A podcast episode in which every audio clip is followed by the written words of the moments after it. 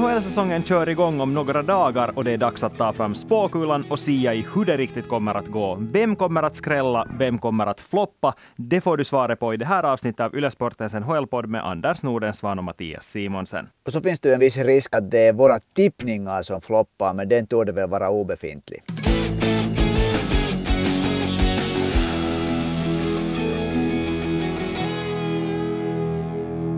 Vi kör igång direkt och går rakt på sak. Det finns så otroligt mycket man kan tippa om under en NHL-säsong, så jag tycker att vi börjar med det som jag tror att de flesta lyssnarna ändå vill höra, och det är det hur det kommer att gå för våra finländska NHL-spelare. Vi har fått in frågor och förslag på vad vi ska tippa om, och såklart finländska spelarna var en, ett väldigt populärt ämne. Tobias vill veta vem som samlar ihop mest poäng i grundserien, och det är en ganska relevant fråga. För att, bara för att nämna, i fjol, Mikko Rantanen, Colorado Avalanche, 1 med 92 poäng, före Alexander Barkov, Florida Panthers, 88 poäng. Men Anders, hur kommer det att gå säsongen 22-23? När jag kopplar tillbaks direkt till förra säsongen, Jepp Rantanen vann poängligan, men Barkov hade ju nog högsta poängsnittet per match. Jag tippar nog att Alexander Barkov nu kommer att ta hem den här finländska poängligan och han kommer för första gången att gå över 100 poäng och det blir första finländaren sen Teemu Selänen som går över 100 poäng. Mm, jag tror också på det där över 100 poäng, men jag tänker nog säga att Mikko Rantanen tar sin andra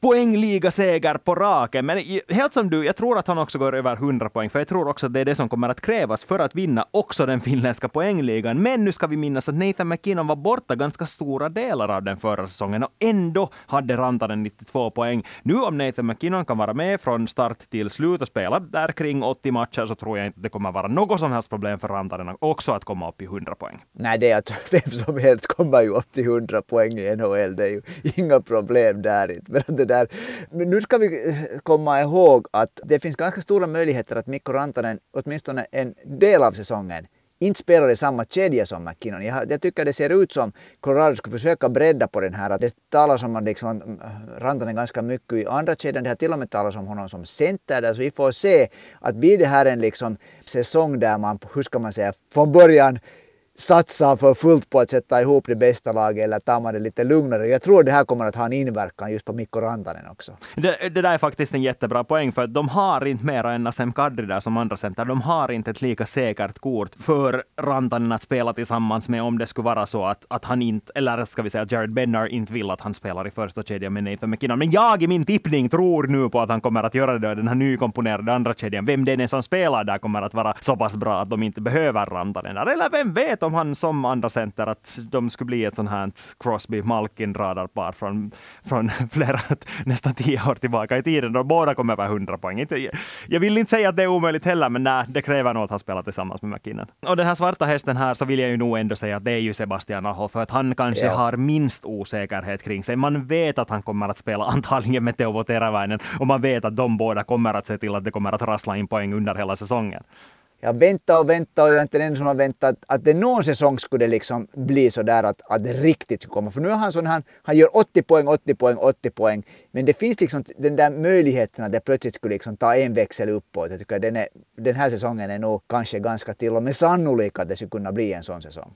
Men vi går vidare till skytteligan. Vem kommer att göra flest mål av finländarna då? Det här är intressant för jag tror faktiskt att det kan finnas till och med tre och möjligtvis till och med fyra finländare som knackar på 40 målsträckor. Då har vi Aho där, jag tror Barkov kan göra det, Rantanen kan göra det. Men sen tippar jag att Patrik Laine kommer att göra en grym comeback den här säsongen. Han var en bra förra säsongen, men nu har han Johnny Goodrow med sig i samma kedja antagligen. En fantastisk playmaker. Om det passar ihop så kommer nog målen att rassla in. Och så ska vi komma ihåg att han gjorde nästan inga powerplay-mål förra säsongen. Nu kan det hända att det blir ett powerplay för Columbus med Johnny Gaudreau, Patrik Laine, Jakub Voracek och Zach Werenski, fyra av de fem spelarna. Det kan bli ett grymt powerplay. Bara för att du total dissar Roope Hintz sådär så tänker jag säga att han är min svarta häst att han kommer att vinna den finländska skytteligan. I fjol, Barkov vann. Han gjorde 39 mål. Delad andra plats om vi tittar på totala saldo och inte börjar jämföra målsnitt och sådär både Sebastian Aho och Roope Hintz gjorde 37 mål. Jag ser ingen orsak till att Roope Hintz inte skulle kunna komma upp till samma mm. siffror också i år. Och jag håller med dig. Jag tror också att Patrik Laine kommer att ta steg framåt, framförallt tillsammans med Johnny Goodrow.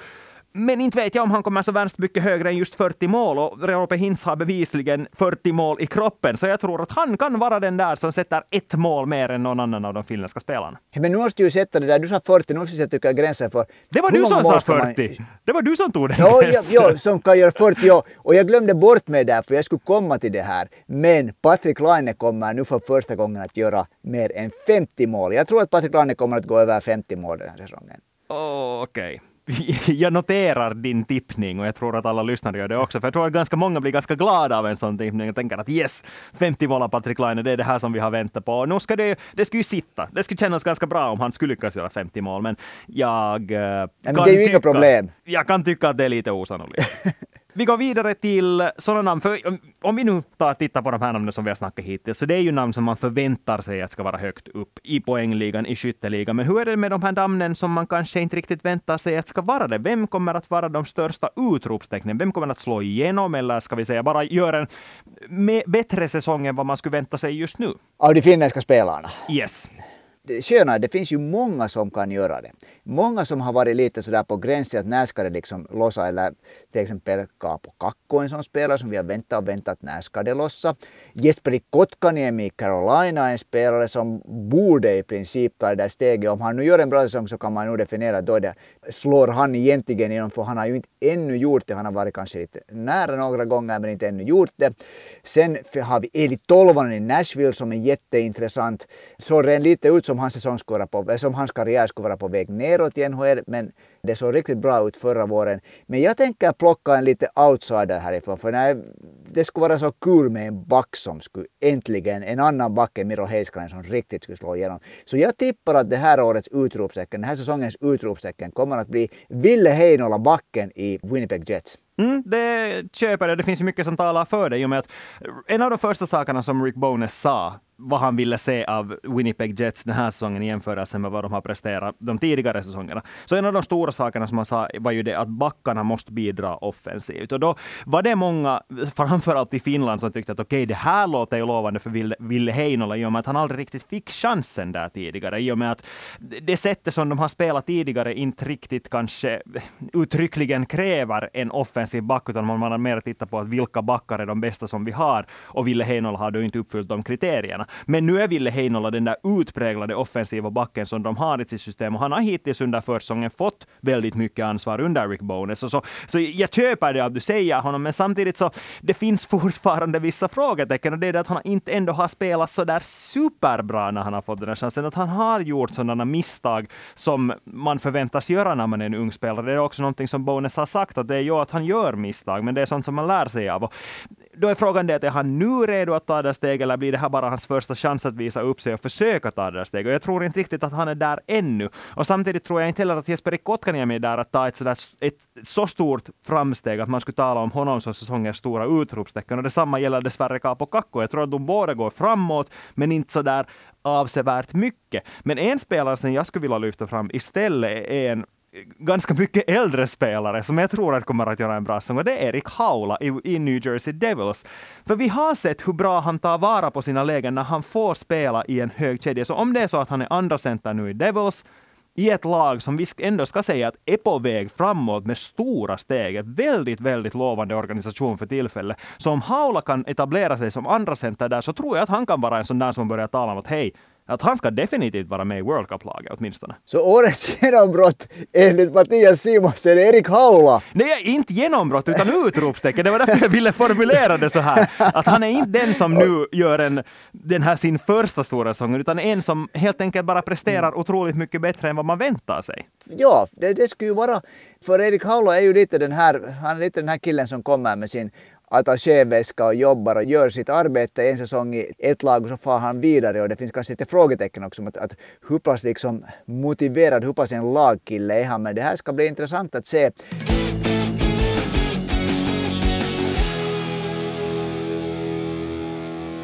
Nog snackat om finländarna, åtminstone med enbart fokus på finländarna. Vi börjar titta på lagen istället. Vilka lag kommer att vara de bästa i år? Nu tycker jag att vi gör så att vi tippar alla divisionsvinnare. Du får börja. Jaha, och börjar med A som Atlantic då? Om du vill. Ja, det där förra säsongen så var det ju Florida som vann den här divisionen och vann Presidents Trophy och sen det där gick det inte så bra i slutspelet. Och nu har de lite byggt om. Och jag tror att Florida på ett sätt fick liksom sin den här hunger lite nu stilla för att vara så där grymt bra i grundserien. Så jag, jag, skulle, jag tror att Florida inte kommer att vinna Atlantic den här säsongen. Och då finns det egentligen bara ett annat alternativ eftersom jag inte heller tror att Tampa kommer att satsa hundraprocentigt hårt på grundserien. Så jag säger att Toronto Maple Leafs kommer att vinna grundserien och kronas till eh, Stanley Cup-vinnare där kring årsskiftet. ja, i, framförallt i Kanada eller media i Toronto. Ja, alltså jag köper inte riktigt. Alltså jag tror också att Toronto kommer att vara väldigt starka. Jag tror att det kommer att stå mellan Toronto och Florida Panthers och jag tror att Florida Panthers tar Jag tror inte att de vinner President's Trophy, men jag tror att de vinner Atlantdivisionen. Aha, det här, var, det här var spännande, för du kommer i något skede att komma till vem som vinner President's Trophy också. Vi kan ta den diskussionen. Jag kan tycka att det är ganska onödigt pris att vinna, men vi kan ta den diskussionen också. Eh, men Metropolitan då, om vi fortsätter i öst? Nå, här som jag, vi diskuterade lite redan det här och tangerade det här redan förra veckan, så jag tror nog att Carolina kommer att vinna den här divisionen för tredje året i sträck. Skulle kunna säga att hade inte vunnit den här divisionen tillräckligt många gånger. Men jag tycker helt enkelt att Carolina är ett sånt typs lag som har det, som det där har svårt att hålla, hålla igen, inte håller väl något lag egentligen igen, men de liksom har den här fullgasväxeln hela tiden. Jag tycker att Carolina är det bästa laget i Metropolitan, så jag tror att Carolina vinner den. Nej, det kommer de inte att göra. Ja, jag påstår det är vetenskapligt. mina, kalkyler, mina kalkyler visar att det är New York Rangers som kommer att vinna det. Med klar marginal dessutom. Med klar marginal? Mm. Okej. Okay. Yep. No, nu får du, nu, nu, kan, nu kan jag säga, jag tror, liksom att, jag tror att New York Rangers kommer att vinna både President's Trophy och Metropolitan Division. Det är ganska logiskt att de vinner båda, men jag tror att de kommer att vinna President's Trophy. Oho, det, var, det, det, här, var, det här var nästan en nyhetsbomb det här. Det här alltså. jag tycker helt enkelt att, att Rangers visar en förra säsongen att de har en otrolig mängd talang i laget och att de har den där driven som krävs för att gå långt och jag tror att de nu är redo att ta det. Jag tror att de är mer redo att ta det nästa steget än vad Carolina Hurricanes är. Men du ska ändå komma ihåg att det var en jättemängd av de matcherna som New York Rangers vann som de vann tack vare att de hade en målvakt som, som det där stoppade en sjujädrans massa skott. Det var många, många, många matcher som de vann fast de var liksom spelmässigt i underläge. Ja, vem var deras målvakt förra säsongen? Joshi Stjorkin. Ja, och vem, det, och vem är han nästa? De... Ja, han är fortfarande där. Det är liksom, målvakten är fortfarande där. Och inte det som att man talar om Tampa Bay Lightning heller, så att ah, men de hade Vasilevski, de kommer att vara usla nästa säsong. Nej, en, en bra målvakt räcker ganska långt, speciellt när du har bra utespelare som Rangers har. Och det där, nu, nu liksom lite, lite, lite det när jag var emot det, så nu måste jag lite komma härifrån också och säga att dessutom så har ju faktiskt Rangers en eh, backtrupp som ser ganska bra ut. Den är till sina yngre delar ett år mer erfaren. Mm. Exakt. Uh, vi går vidare till Central och vi flyttar oss västerut. Jaha, i Central så det där, jag slår till med den verkliga kanonnyheten att Colorado Avalanche vinner Central-divisionen. Ja. Okej, okay, nu kan vi vara överens. Jag håller med. Colorado Avalanche kommer att vinna Central. Vi behöver inte diskutera det desto mer. det är lite tråkigt nästan. Det är lite tråkigt, så vi går vidare till Pacific där allt är ganska mycket mer öppet kan man tycka. Ja, vi, kanske, kanske det där åtminstone för mig ser det ut som det skulle vara en kamp i provinsen Alberta i Kanada och det är mellan då Edmonton Oilers och, och Calgary Flames. Och nu är det kanske många som tyckte efter förra säsongen att okej okay, att nu är Edmonton färdigt för att gå ännu ett steg vidare och det, det tippas till och med att de ska gå till Stanley Cup-final. Calgary har tappat många spelare, så har de tagit in nya spelare också. Jonathan Huberdeau, de har fått Nasem Kadri dit.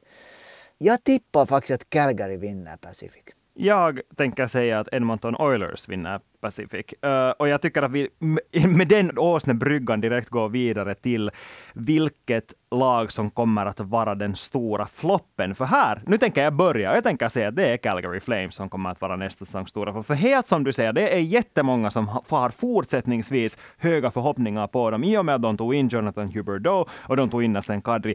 Jag tror inte att det finns någon chans i världen att Nassim Kadri, som aldrig tidigare under sin karriär ens hade kommit upp i närheten av så många poäng som han satte in för Colorado förra säsongen. Jag tror inte att han kommer att göra det på nytt. Man litar för mycket på att han ska göra det och jag tror inte att Jonathan Huberdeau kommer att överleva under Daryl Sutters ledning. Det är nog en, det är alltså ett riktigt relevant scenario, för det kan gå precis på det där sättet. Det blir liksom totalt kaos. Att det, att det bara inte funkar. Det är totalt kaos är kanske fel ord, men det blir liksom depression eller någonting. De, de blir deprimerade hela laget. Och, Vi, nästa, vi har faktiskt en fråga som lite går... men skulle jag också säga vem, vem, vem jag tycker blir flopp? Ja, förlåt, förstås. No, jag åker tillbaka till, till, där till östkusten och jag tippar att den här säsongens flopp blir ett gammalt trött lag. Washington Capitals tror jag att kommer att floppa ordentligt den här säsongen. Niklas Bäckström är borta länge. De har inte riktigt bra målvakter. Jag vet inte vad de mera spelar för. De har inte vunnit en enda slutspelsserie sedan 2018. Det är liksom hohoja. De kommer inte med ens till slutspelet den här säsongen. Mm, ja, alltså jag tror inte heller att Washington kommer att vara bra, men jag skulle, jag vet inte, mina förhopp, förväntningar på dem, det känns som att de allmänna förväntningarna på dem är så pass låga att jag vet inte om man kan kalla det en flopp om de blir utanför slutspel, utan det skulle snarare vara ganska väntat. Men ja, jag köper det, jag köper det. jag börjar inte argumentera emot det. Men den här frågan som jag nämnde, som jag misstänker då att du också kan, kan dra paralleller till med ditt svar, den här som, som Patrik skickade in. Han undrar vilken tränare kommer att få sparken först den här säsongen? Och det är ju lite cyniskt att tippa i, men jag menar det är NHL någon tränare kommer att få sparken i något skede. Nu är frågan bara vem. Kanske det mest sannolika är att det kommer fram någonting om någon tränare som är mera senior där. Någonting i hans bakgrund, någonting som han har gjort som tvingar att, att, att det där laget kastar ut honom. Det är det svårt att säga vem det skulle kunna vara. Men helt prestationsmässigt så, det där, så, så tror jag att, som sagt, jag håller fast att Washingtons höst kommer att bli tung. De kommer att vara liksom oinspirerade och i något skede så ser någon att Peter Laviolette står och gäspar och tittar bortåt och då det där så hamnar de och sparkar honom ett väldigt uh, detaljrikt scenario som jag, jag ja. på något sätt hoppas för din skull att bli sann, inte för Peter eller Violettes skull.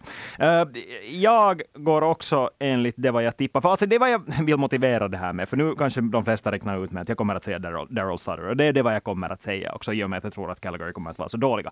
Men problemet här är att det finns inte så jättemånga solklara alternativ, för det var så otroligt många lag som bytte tränare nu på sommaren, och det, och det var sådana lag som har, ska vi säga, som aspirerar högt, ja, men i och med att man just har tagit in en ny tränare så måste det bli ett så totalt haveri för lagledningen att kicka den här tränaren under den här första säsongen. Medan Daryl Sutter har haft tid på sig i Calgary och om han nu inte är den mannen som får det här rosten att fungera, vilket jag verkligen inte tror att han är. Jag tror inte att han och Jonathan Huberdeau är två personer som går ihop överhuvudtaget. De får gärna bevisa att jag har fel. Jag bara tror inte att det kommer att hända, så därför tror jag att han är den som får ryka först. Ja, men det har egentligen inte alls behandlats det här att varför ville inte Johnny Gaudreau, varför ville inte Matthew Tkachuk, varför ville det inte bli kvar i Calgary? Exakt. Men hej, vi tar avslutar det här lagsegmentet med, lite, med en positivare ton. Sami vill veta vilka lag som kommer att bli den stora skräll. Okej, han nämner bara skräll, nu kan han ju mena negativt också, men jag tycker att vi tolkar det positivt. Vilka lag kommer att bli den stora skrällen den här säsongen? Han understryker att de behöver inte vinna allt, men ändå överraska. Ja, nu tar jag en sån, ett sånt här lag som jag på något sätt tycker att har liksom blivit tuffare under sommaren och när det är ett tufft lag så kan det leda långt och de har några liksom unga spelare där och de har en finsk målvaktstandem. Så jag kommer att tippa på Nashville Predators blir, alltså de kommer inte att vinna inte, inte under, under några omständigheter, men jag tror att de kommer att gå mycket bättre än, än tidigare och, och det där spela åt sig riktigt med marginalen slutspelsplats. Men, men vad innebär det? Menar du att de slutar i topp tre i Central? Ja, just det. Ja, men det tror jag inte att kommer att hända. det var ju sensationellt!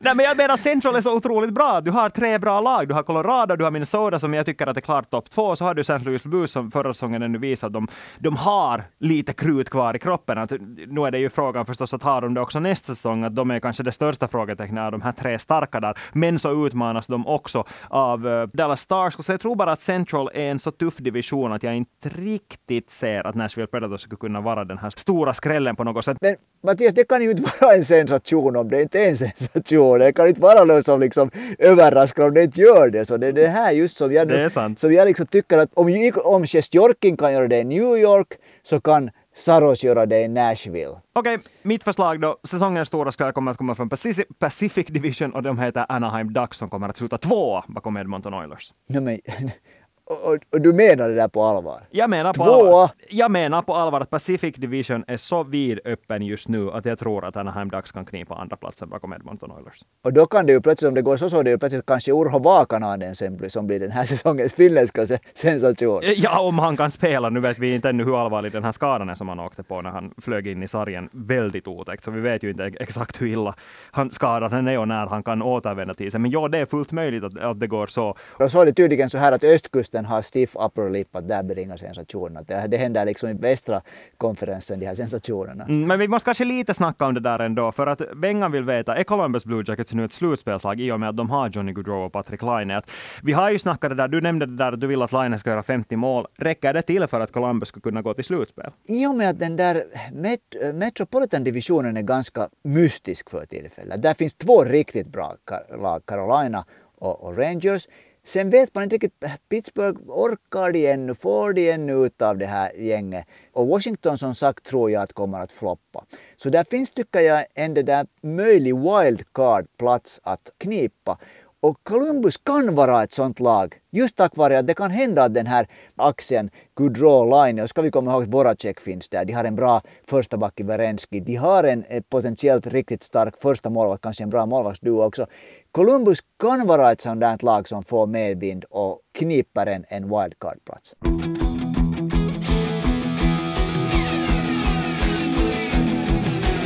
Om vi då går vidare till de här individuella priserna, för nu kanske, no, jag ska inte sätta ord i dina mun, men jag åtminstone tror inte att någon finländare kommer att vinna poängligan eller så här. Så jag tror att vi också ska tippa eller nämna de spelarna som vi tror att för det första vinner poängligan, hela NHLs poängliga. Kommer någon att kunna utmana Connor McDavid eller är det på nytt McDavid som tar hem det här med över 120 poäng eller hur många han nu kommer att göra nästa säsong? Jag tippar att en spelare som kommer att vara helt grymt avslappnad efter att ha vunnit sin första Stanley Cup och som vanligtvis inte kan vara avslappnad. Och den här avslappnad, det att han är avslappnad gör gott i hans spelande. Jag tippar att Nathan McKinnon kommer att vinna poängligan den här säsongen. Det var nog ett ganska fegt val, kan jag säga. Jag trodde att du skulle sticka ut hakan här. Vem, vem trodde du jag skulle välja? No, inte vet jag, någon annan än han Andrew som... Kopp! någon annan än han som var den bästa spelaren för det lag som vann Stanley Cup. Nåja, no, okej, okay, vi har antecknat Nathan McKinnon kommer att vinna poängligan. Okej, okay, jag kommer att säga ett lite mer vågat nu. I och med att jag sa att, att Rangers kommer att vinna President's Trophy så tror jag att uh, Rangers faktiskt kommer att vara ett hiskeligt bra lag under grundserien. Det kräver att deras stjärnor stiger fram på ett sätt som de uh, har visat tecken på tidigare, men inte riktigt på den här nivån. Så jag tänker säga att Mika Zibanejad kommer att vinna poängligan. Men nu har du nog, nu har du nog druckit, vad har, vad är det i kaffet? Du har druckit konjak på morgonen Mattias. Vad, vad, vad sysslar du med? Nej, Mika Zibanejad.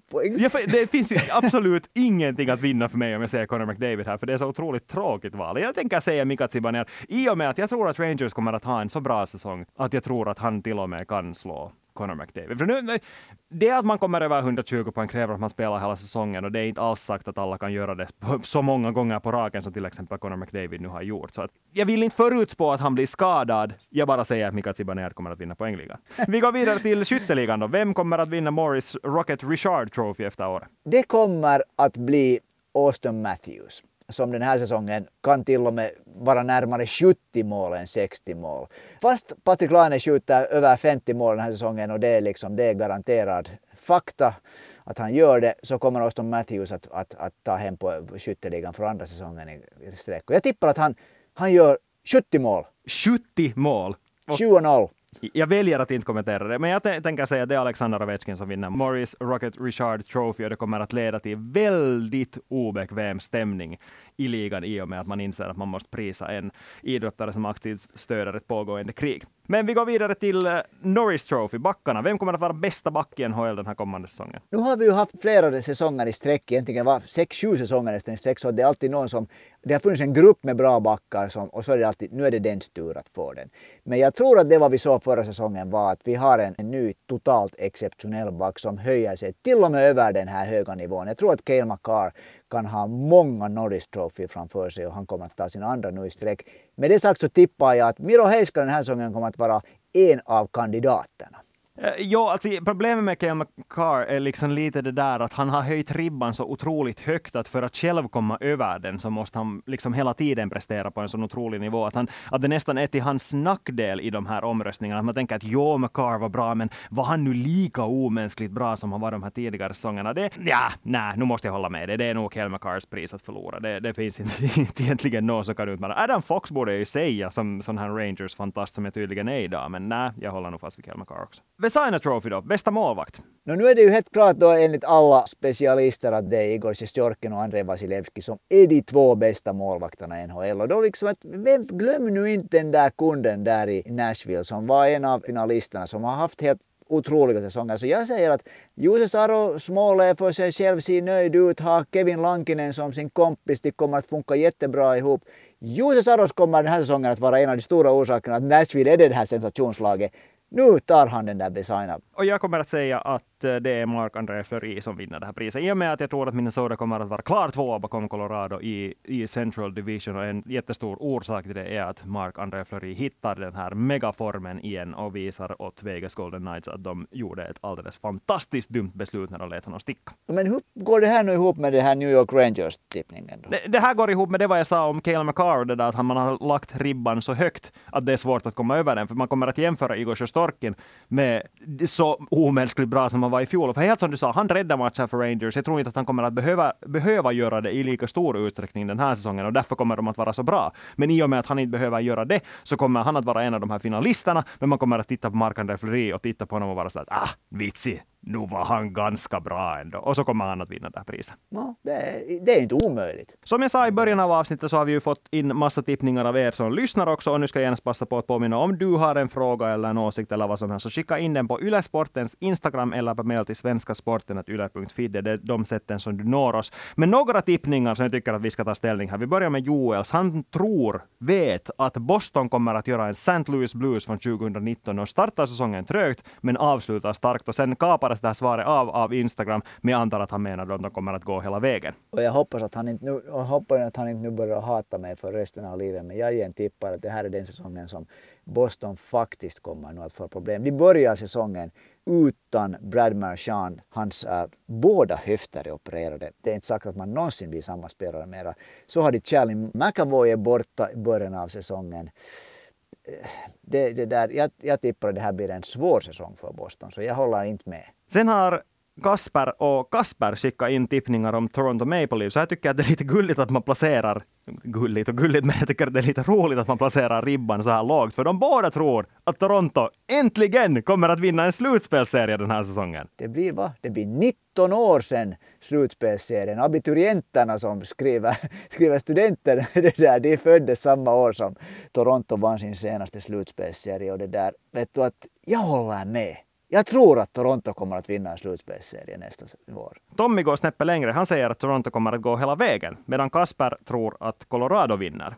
Vad tror vi? Jag tror att Toronto inte går hela vägen, men jag tror inte heller att Colorado vinner. Nå, vem vinner då? Det laget som jag tippar att kommer att vara supertufft att tas med den här säsongen. Och som är hungrigt, som är hungrigt, bittert, lite sådär som Colorado har varit. Börjar också på C, kommer från östra konferensen, heter Carolina. Jag tror att Carolina kommer att vinna Stanley Cup. Jag tippade för ett år sedan också, då hade jag fel. Och jag kommer att tippa det ända tills jag vinner, precis som jag varje vecka fyller i eh, Eurojackpot. Och eh, jag kommer att säga att det är en förbannelse som kommer att brytas nästa vår, men det är den förbannelsen att President's Trophy-vinnaren inte kan vinna Stanley Cup. Och jag säger att New York Rangers är det där laget som du beskriver, ifrån samma division. Men du, du valde fel lag och jag säger att det är New York Rangers som går hela vägen och är hungrigare än Colorado Avalanche i finalserien. Så Metropolitan, Metropolitan kommer att leverera Stanley Cup-segraren den här säsongen. Det kan vi åtminstone slå fast. Och där svarar jag också en fråga av Noah som hade skickat in en fråga vad New York Rangers placering kommer att bli. Nu har jag sagt min, vad tror du? Jag tror att New York Rangers kommer att bli tvåa i det där i divisionen, vilket betyder att de kommer att spela mot uh, Carolina i divisionsfinalen och så åker de ut mot Carolina. Okej. Men vet du vad? Det finns en sista sak som vi måste tippa om. För det är ju så att säsongen kör igång nu på fredagen. På lördagen kör Yles sändningar igång. Yle sänder den här andra matchen från Prag mellan Nashville Predators och San Jose Sharks. Vem kommer att gå segrande ur det här dubbelmötet, om vi säger som så? Det sammanlagda på målantalet. Så vem kommer att vara vinnare? Om det här skulle vara ett sånt här fotbollskvalmöte från Champions League till exempel, där man spelar en match hemma och sen borta bara att nu två på neutral plan. Vissa lyssnare kanske har noterat att jag ett antal gånger här har nämnt Predators som ett lag som gör bra ifrån sig. Så det där, jag kommer inte att tippa att det är San Jose Sharks som vinner det här, om vi säger på det sättet. Och i så fall tänker jag säga att, att San Jose Sharks är mer taggade att vinna de här första matcherna, att de är mer på hugget nu. För det var de också förra säsongen. De var överraskande bra på hösten. Sen gick det som det gick och det finns all potential för att det går likadant den här gången. Så du säger Nashville, jag säger San Jose. Och med de orden får vi ta ett bokslut, ett första bokslut nästa vecka då vi är tillbaka igen nästa tisdag. Tack ska ni ha, vi hörs igen. Tack och hej och ha det bra.